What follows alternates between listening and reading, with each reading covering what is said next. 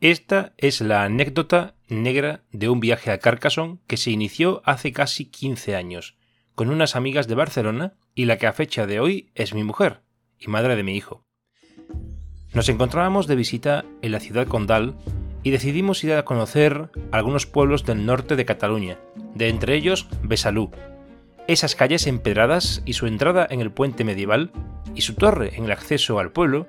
hizo que a alguien se le ocurriera en nuestra pequeña expedición la idea de traspasar la frontera para ir a ver Carcassonne, una ciudad con una bonita edificación amurallada sobre la cual un servidor no tenía conciencia alguna de su existencia. La realidad superó a la ficción, porque la imponente belleza de aquella majestuosa construcción quedará para siempre en nuestras retinas. Sinceramente, fue apoteósico observar lo que antaño pudo haber sido un espléndido y habitable espacio para los lugareños. Cierto que fue derruido con el paso del tiempo entre luchas, asaltos y guerras, pero bastante mejor conservado que otros castillos de la época, y ya durante la segunda mitad del siglo XIX fue reconstruido a través del trabajo del afamado arquitecto Eugène Viollet-le-Duc, que se sirvió de su concepción del idealismo medieval para llevar a cabo una restauración original, aunque no originaria, de lo que fue el castillo inicial de la ciudadela fortificada de Carcassonne, a ojos de los turistas de una belleza y valor descomunal, a ojos de los historiadores y estudiosos de lo artístico, un auténtico despropósito arquitectónico dentro de la mente del responsable de su recuperación.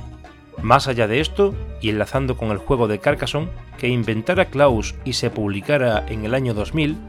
recuerdo haber contado durante algunas entrevistas de este podcast mi desconocimiento en aquel viaje de la existencia de este maravilloso pasatiempo de las 72 losetas, que ya tenía 8 años de vida. Ciertamente, el río Aude, que pasa cerca de la ciudad amurallada, los caminos y sembrados autóctonos, la economía de la lana de oveja que también aparece distinguida en el blasón de la ciudad francesa, hace que nos recuerde no solo al juego base, sino a todas sus expansiones y mini expansiones. Nada está pensado al azar. La verdad es que aquel viaje fue bonito mientras duró. Aunque viajar en el tiempo, ya fuera 500 años atrás, visualizando mentalmente aquel recóndito lugar, o 150 años, con la reconstrucción de lo que ahora se abre ante nuestros ojos, no quita que nos llenáramos durante esa misma ruta de una vasta realidad moderna, primero almorzando en una famosa franquicia de hamburguesas americanas,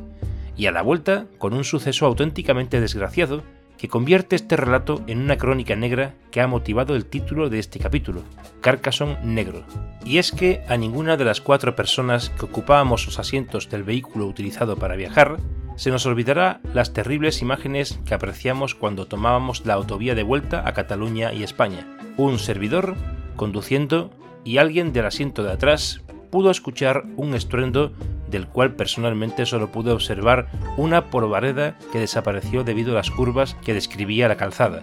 y a pesar de tratarse de una autovía, debido a que el acceso a Carcassonne se hacía desde una colina. De nuevo aparecen motivos del juego y de las expansiones ovejas y colinas, ríos, murallas, caminos y campos.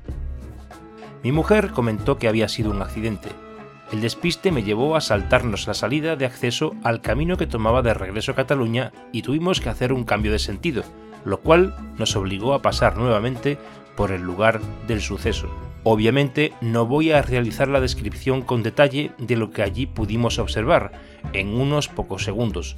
pero la imagen de un vehículo empotrado a un muro fuera de la vía asfaltada y que probablemente había perdido el control, nos hizo pensar que los cuerpos que por allí se esparcían despedidos por todas las escapatorias posibles del vehículo de cuatro ruedas accidentado, estaban todos inertes. Hubo bastante silencio durante un rato antes de comenzar a hablar, y antes de esto algunos comentarios de congoja por lo allí apreciado. Al llegar a nuestro punto de fin de trayecto, obviamente en España, no existían noticias de aquel terrible suceso y busqué en google.fr, es decir, Google Francia, por si había alguna nota de última hora. Y efectivamente la había. Seis chicos jóvenes, algunos menores de edad, todos de la ciudad gala de Carcassonne y alrededores. Todos fallecidos. Nuestro viaje a Carcassonne no fue el mismo que el del resto de personas entrevistadas en Mibel Podcast, en cuyos compases finales de sus entrevistas han sido consultados por su presencia en la ciudadela amurallada. Nuestro viaje fue un brutal recuerdo, aunque también de la cité, de un Carcassonne negro.